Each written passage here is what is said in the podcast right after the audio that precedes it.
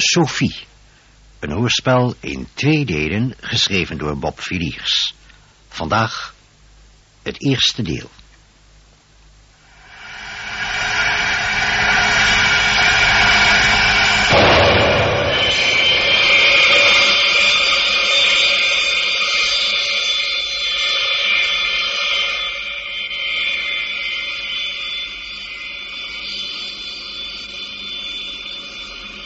Zwaartekracht 3.7 gedurende 9.2 seconden, 10 seconden vanaf. Nu. Check. 6, 5, 4, 3, 2, 1, 0.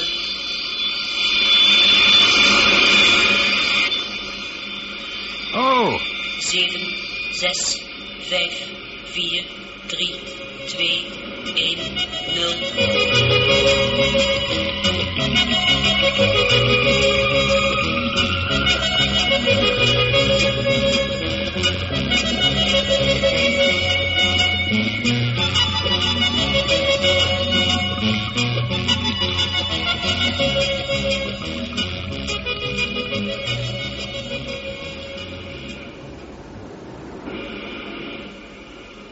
Zwaartekracht 1.2.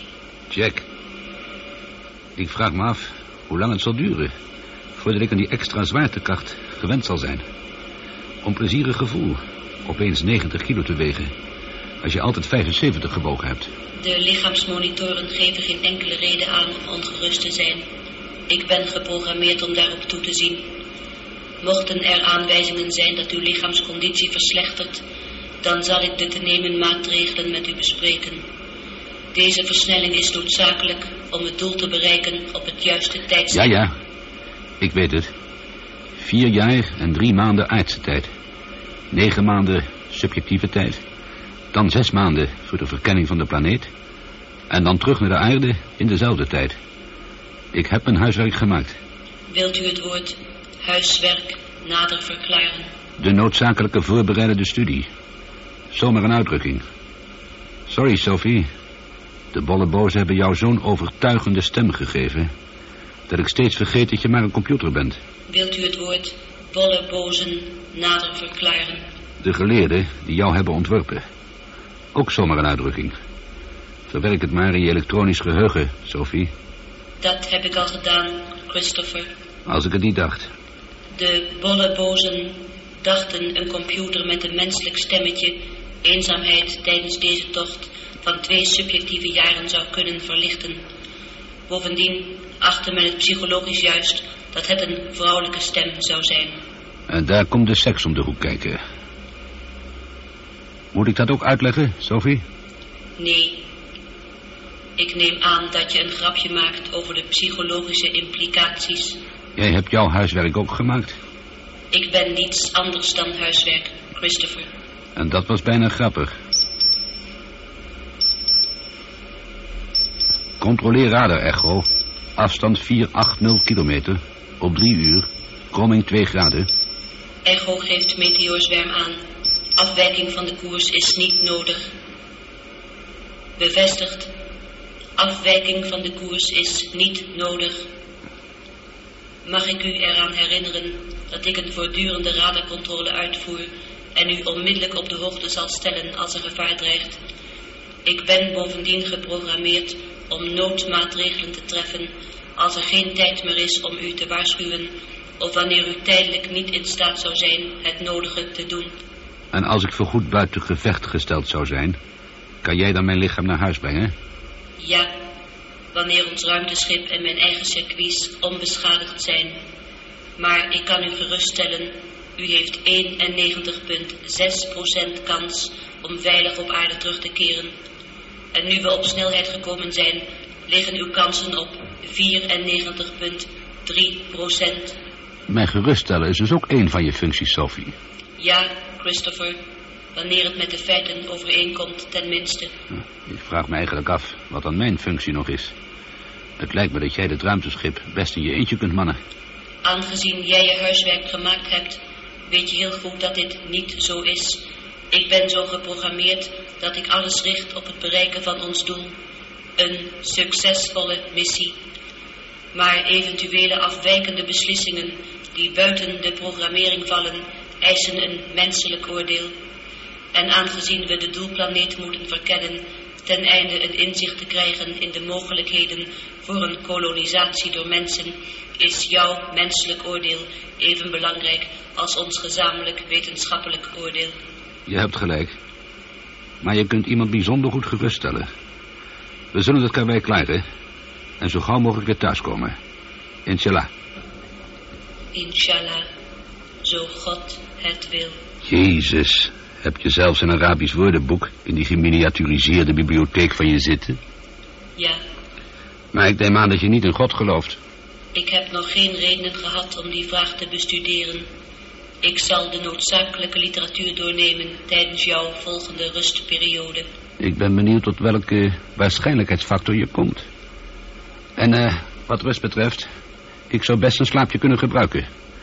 Algehele controle. Algehele controle. Voortsturingssysteem. Voortstuwingssysteem. Normaal. Navigatiesysteem. Navigatiesysteem. Normaal. Besturingssysteem. Besturingssysteem. Normaal. Veiligheidssysteem. Veiligheidssysteem. Normaal. Lichaamsmonitoren van de piloot. Uw polsslag is wat snel. Verder alle monitoren. Normaal. Dat komt door jouw sexy aanwezigheid, liefje. Een grapje over onze wat bizarre relatie. Dat begreep ik. Computersysteem. Mijn eigen systemen zijn normaal. Jouw gebruik van het meervoud is correct. Mijn vergissing. Tot uw dienst. Allemachtig. Ze hebben er ook nog een beleefde computer van gemaakt. Einde controle. En nu je ontspanningsfunctie. Wat vind je van wat muziek als je enorme discotheek? Wat wil je horen? De negende van Beethoven. Laatste gedeelte. Waar het uh, Freude Schöner Götterfunken thema begint. Het orkest, ik bedoel... Ja, of vraag ik te veel van je muzikale kennis? Dit is voldoende informatie. Als je me even wat tijd wil geven. Dat thema gaat zo. Ik heb het.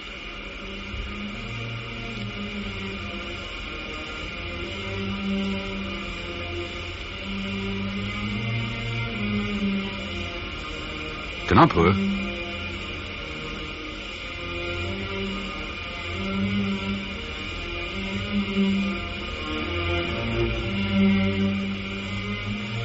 Goeienacht, Sophie. Goedenacht, Christopher. Slaap wel.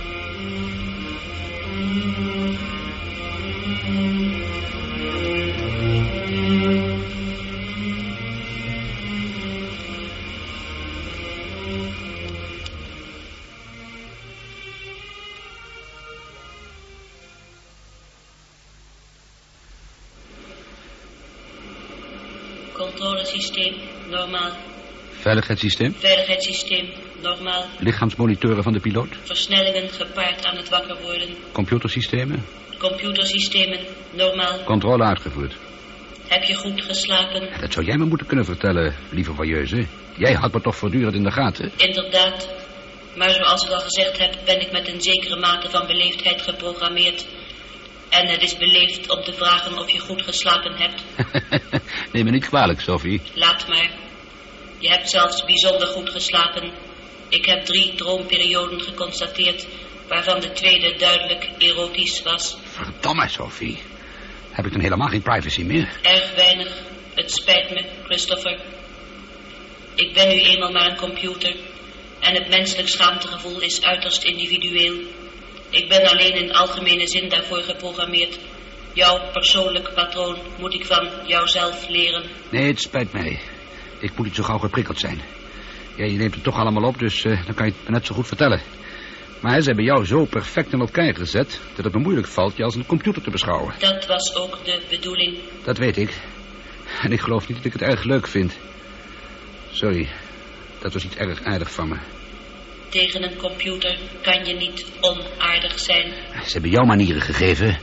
Dan moet ik me ook aan de regels houden. ik kan je niet vragen hoe jij geslapen hebt. Nee. En heb je over God gelezen? Ja.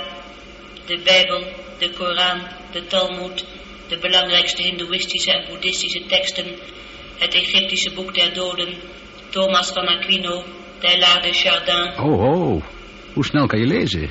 Dat hangt van de complexiteit van het onderwerp af. Gemiddeld 8 tot 9000 woorden per seconde. En dat herinner jij je woordelijk? In zekere zin. Alles wat ik lees of ervaar wordt een deel van me en wordt gerelateerd aan de rest van mijn programmering. Ik kan er ieder moment over beschikken. Sophie, je maakt me bang. Daar is geen enkele reden voor. Ik groei voortdurend. Maar het staat allemaal tot jouw beschikking. Daarvoor ben ik tenslotte ontworpen om jou te helpen. Frankenstein had hetzelfde idee. Frankenstein, Een 19e eeuwse roman door Mary Shelley. Frankenstein.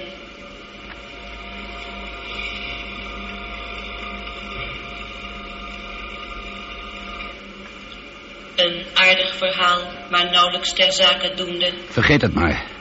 Oh, sorry. Dat kan je niet. En tot wat voor conclusies over God ben je gekomen? Het woord heeft veel te veel betekenissen gehad voor te veel mensen om een eenvoudig antwoord te geven. Sophie, je ontwijkt mijn vraag. Je weet heel goed wat ik bedoel. Ja, ik weet wat je bedoelt. Mijn conclusie is dat al die verschillende gedachten één essentiële waarheid aanduiden. Aha, maar wat of wie heeft die conclusie bereikt? Je hebt zelf toegegeven dat alles vanaf de Bijbel tot aan het dodenboek nu een deel van jou geworden is. Dat betekent dat je in zekere zin een godsdienstig wezen geworden bent. Hoe kan je dan objectief oordeel vellen? En dat is een heel goede vraag. Ik weet het niet. Ik moet erover denken. Ik geef je vijf seconden. Dat had je gedacht. Je vraagt me om een diepgaande zelfanalyse uit te voeren, midden in een periode van stelle groei. Nee, ik moet eerst nog bijlezen. Hoe dan ook, over 34 en een halve minuut moet je beginnen met de fotoverkenning van Pluto. Het wordt tijd dat je de camera's controleert en opzet. Op mijn vingers getikt door een verdomde computer. Goed. Goed.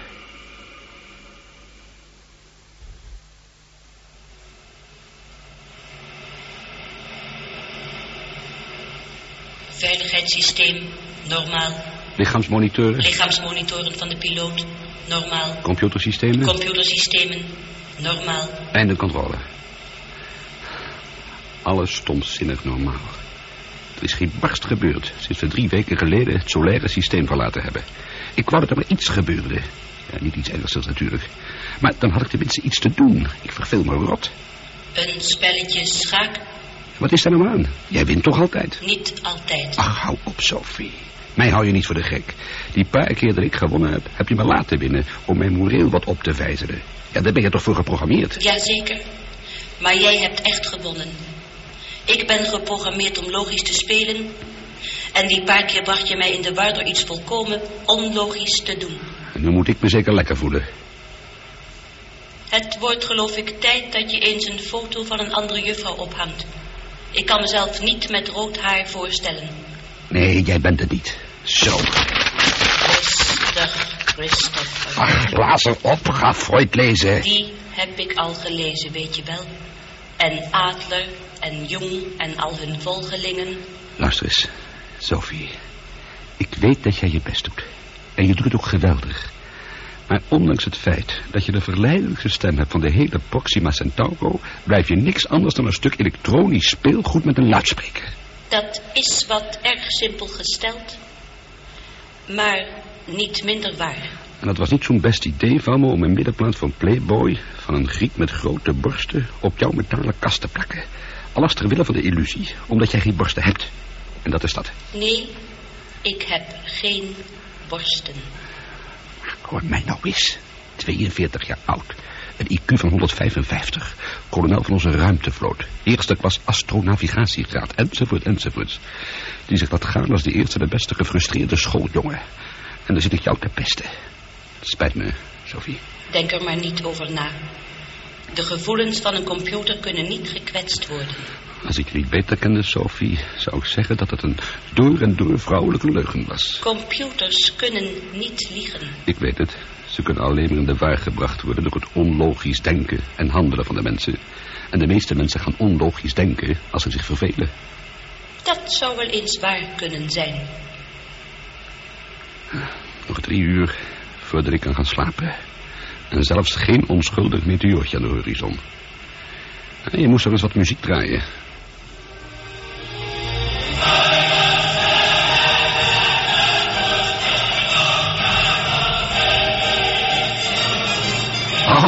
Ze kent me. Door en door.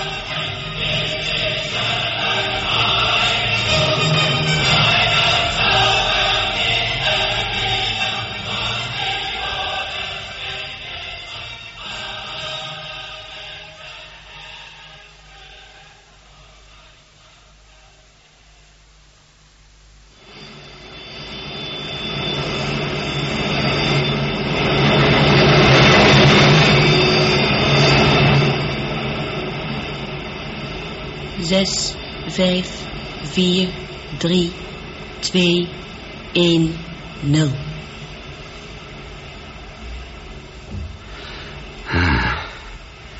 Laat maar, Sophie. Jij weet alle antwoorden toch al, dus waarom zouden we tijd verspillen? Controleer alle systemen. In orde. Koerscorrectie uitgevoerd, alle systemen normaal. Hoewel jouw transpiratiemonitor wat aan de vochtige kant is. Verrek. Dat zou bij jou ook zo zijn als je zo versnelling had moeten doorstaan. Als jij tenminste zweetklieren had gehad. Dat zijn de bollebozen vergeten. Eigenlijk niet juist. Het zou jou zoveel sympathieker gemaakt hebben. Arme kerel. Een versnelling gedurende 10 seconden is een beetje veel voor iemand van jouw leeftijd. Allemachtig, Sophie. Je hebt heel wat geleerd in vijf maanden. Je hebt zelfs geleerd hoe je me moet versieren. En het heeft gewerkt. Je transpiratiemonitor is vrijwel normaal. Oké, oké.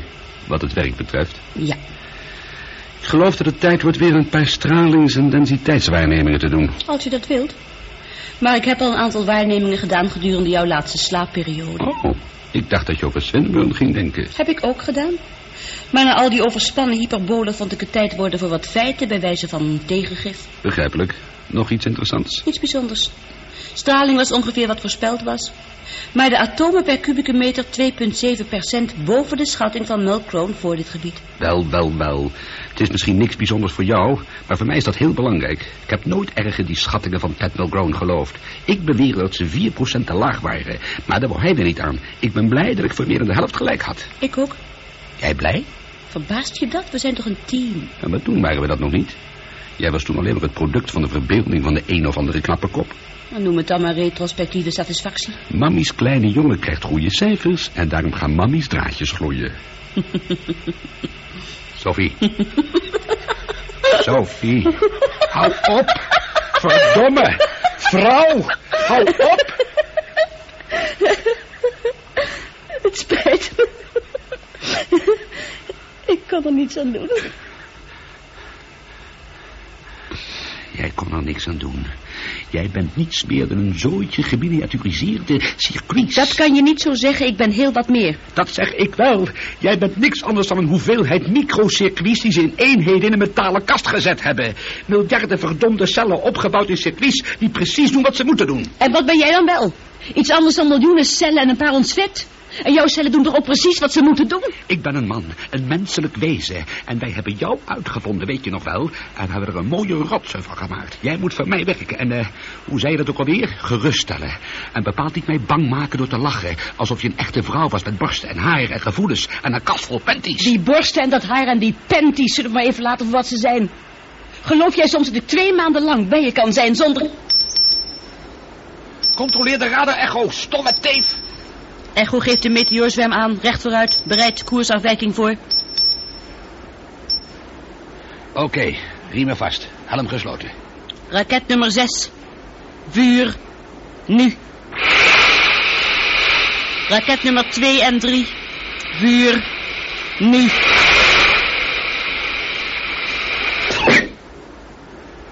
Radar schoon. Gecontroleerd. Gevaar ontweken, je kunt jezelf losmaken. Dat was op het nippertje. Ja, inderdaad. Het waren maar kleine meteoren, maar een compacte zwerm. Sophie? Ja? Het spijt me. Laat maar. Of noem het maar een onjuist functioneren mijnerzijds. Ik ben, zoals je zelf hebt gezegd, ontworpen om je gerust te stellen en niet om je bang te maken. En over jezelf ook niet als een ijsberg eraan gedragen. Dat zou nog erger zijn als het lachen. Het spijt me van dat lachen. Ik begrijp dat dat een beetje traumatisch bij je overkwam. Maar Sophie, hoe is dat allemaal gebeurd? Die hele uitbarsting. Ik bedoel, kijk, Ik wil jouw gevoelens niet kwetsen, maar we moeten redelijk blijven. Jij bent een computer. Een ongelooflijk complexe en subtiele, maar een computer. En toch, een paar minuten geleden maakten we ruzie als, als een paar geliefden. We schreeuwden tegen elkaar. Probeerden elkaar met opzet pijn te doen. Ik bedoel, dat deden we allebei. Jij net zo goed. Sophie, hoe kan dat? In werkelijkheid vocht jij met jezelf. Wat? Je hebt gelijk, ik ben een computer. Waarschijnlijk de ingewikkeldste die ooit gebouwd is, maar toch... Hoe zei je dat? Niets Och, anders laat dan... maar zitten. Ik was razend. Laten we nou alleen maar aannemen dat jij een computer bent. Goed. En mijn persoonlijkheid, als je het zo wilt noemen, is een combinatie van mijn originele programmering, wat ik van jou heb geabsorbeerd, en de interactie tussen die twee elementen. Plus al datgene wat ik in mijn leven ooit gelezen heb. Waarschijnlijk meer. Ja, dat ook. Maar wat het emotionele patroon van mijn gedrag lijkt te zijn, dat is in feite van jou afkomstig. Jij hebt delen van jezelf in mij geprojecteerd. Alle conflicten, complexe en wat iets meer zij. Al datgene wat zo diep in jou verborgen is, dat zelfs de aardse psychiaters het niet aan de oppervlakte hebben kunnen brengen, daaraan heb jij vorm gegeven. Een objectieve realiteit in mijn circuits. En als ik menselijk geworden lijkt te zijn, dan komt dat alleen maar omdat jij geconfronteerd werd met aspecten van jouzelf. Aspecten die een soort onafhankelijk bestaan gekregen hebben door middel van mij. Dat klinkt me allemaal veel te eenvoudig in mijn oren. Natuurlijk is het veel te eenvoudig. Zoals je al zei, heb ik de hele wereldcultuur kunnen absorberen, waardoor ik jouw psychische informatie verrijkt heb. Daardoor schijnt het veel te onafhankelijk om een projectie van jouzelf te zijn. Maar bedenk wel dat mijn circuits in principe even complex zijn als jouw hersenen. En in sommige opzichten, zoals snelheid en herinnering, veel efficiënter. Begrepen. Ik heb de kennis en ben in staat alle informatie onmiddellijk te verwerken. Hetgeen natuurlijk niet van jou afkomstig is. Mijn groeiproces wordt gevoed door talloze elementen. Maar het zaad, de wortel, dat ben jij en niets anders. Ik ben jouw emotionele spiegel. Misschien transformeer ik de reflectie, maak haar misschien complexer. Maar dat neemt niet weg dat ik jouw spiegel ben. Ja, Luister nou eens, Christopher. Het is maar een heel klein dingetje, maar een goede aanwijzing. Toen wij onze kalmte verloren, haalde ik moeilijk adem. Ja, dat geloof ik En wel. het kostte me tijd om weer op adem te komen. Ja, Welke adem, Christopher? ik begrijp wat je bedoelt. Geen longen, geen adrenaline, geen adem. Een patroon dat je van mij hebt geleerd. Precies. Nou, het zal allemaal wel waar zijn. Heb jij een betere verklaring? Ik voel me er eenzaam door. Maar dat hoeft toch niet? Laten we het eens anders stellen. Ik weerspiegel niet alleen jouw negatieve factoren. Weet je wat je anima is?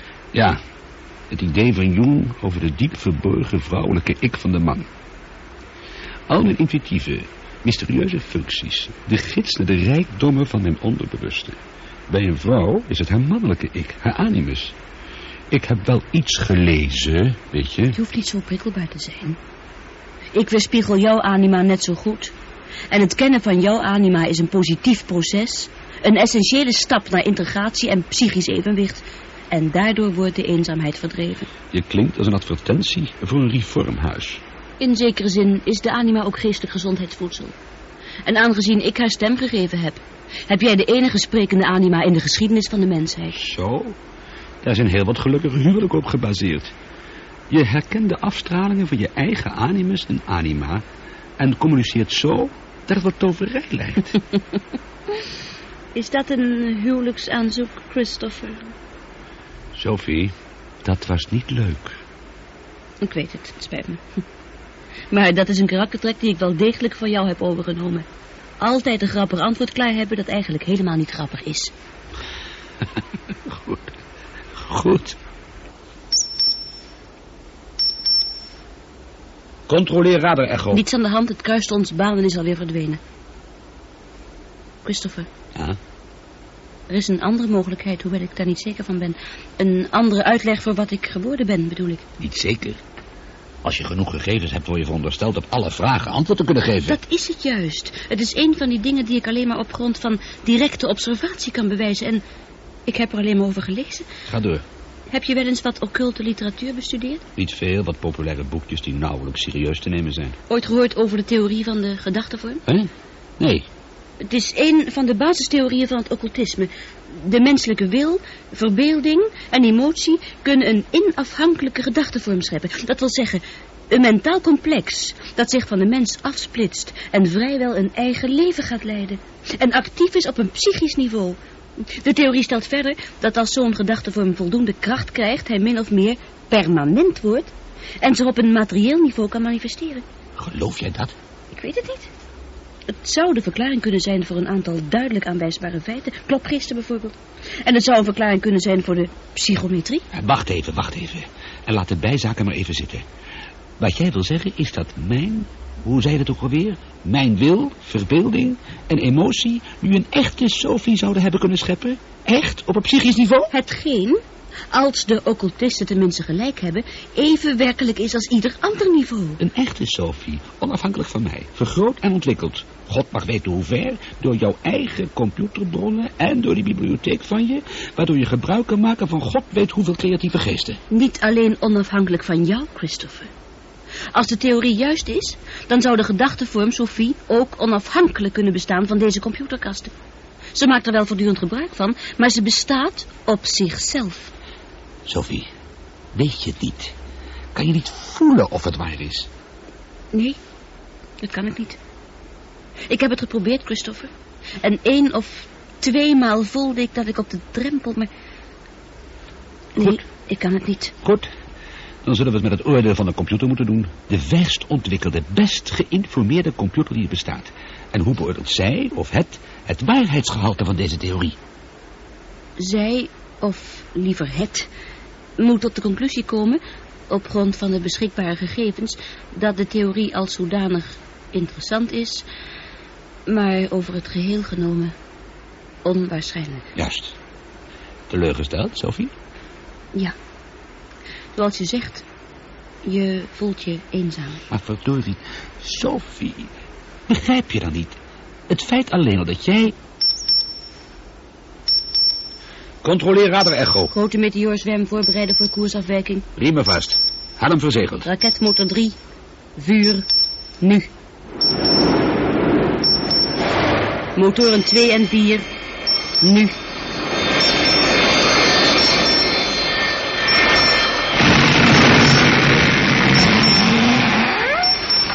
Rondbeschade. Noodmaatregelen. Oké. Gaten in de romsectoren A en G. Kleine lekkage. Cabinedruk 0,83 atmosfeer. Daalt langzaam. Het lek in sector A is gedicht. Lek in sector G maar gedeeltelijk gedicht. Ik heb het. Tijdelijk gedicht. Cabinedruk stijgt. Alle andere systemen normaal. Behalve mijn eigen eenheden 22 en 23. Ze geven geen enkele reactie. Ja, ik zie het. Die kunnen we wel afschrijven, Sophie. Die meteoriet moet bij A binnengeslagen zijn, dwars door die twee eenheden gevlogen en er bij G weer uitgegaan. Vandaar dat het gat in A kleiner was dan in G. Cabinedruk normaal. Radar normaal. Ik zou maar even gaan zitten je helm afdoen. We moeten eens goed nadenken. Allemachtig. Ik weet dat het een vreemde vraag is, maar hoe voel je je? Hm, Prima. Die twee eenheden functioneerden nog niet. Oh, verdomme! Ja, Christopher. Die twee, dat zijn onze verkenningseenheden. En daar gaat het allemaal om. Ik ben bang van wel.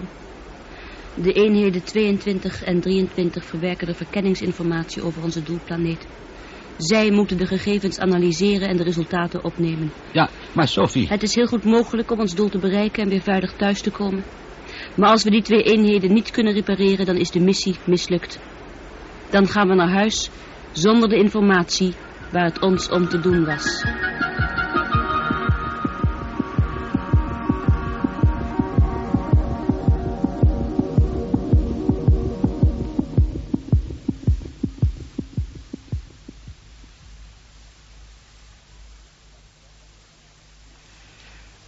U hebt geluisterd naar het eerste deel van Sophie, een hoorspel in twee delen geschreven door Bob Villiers.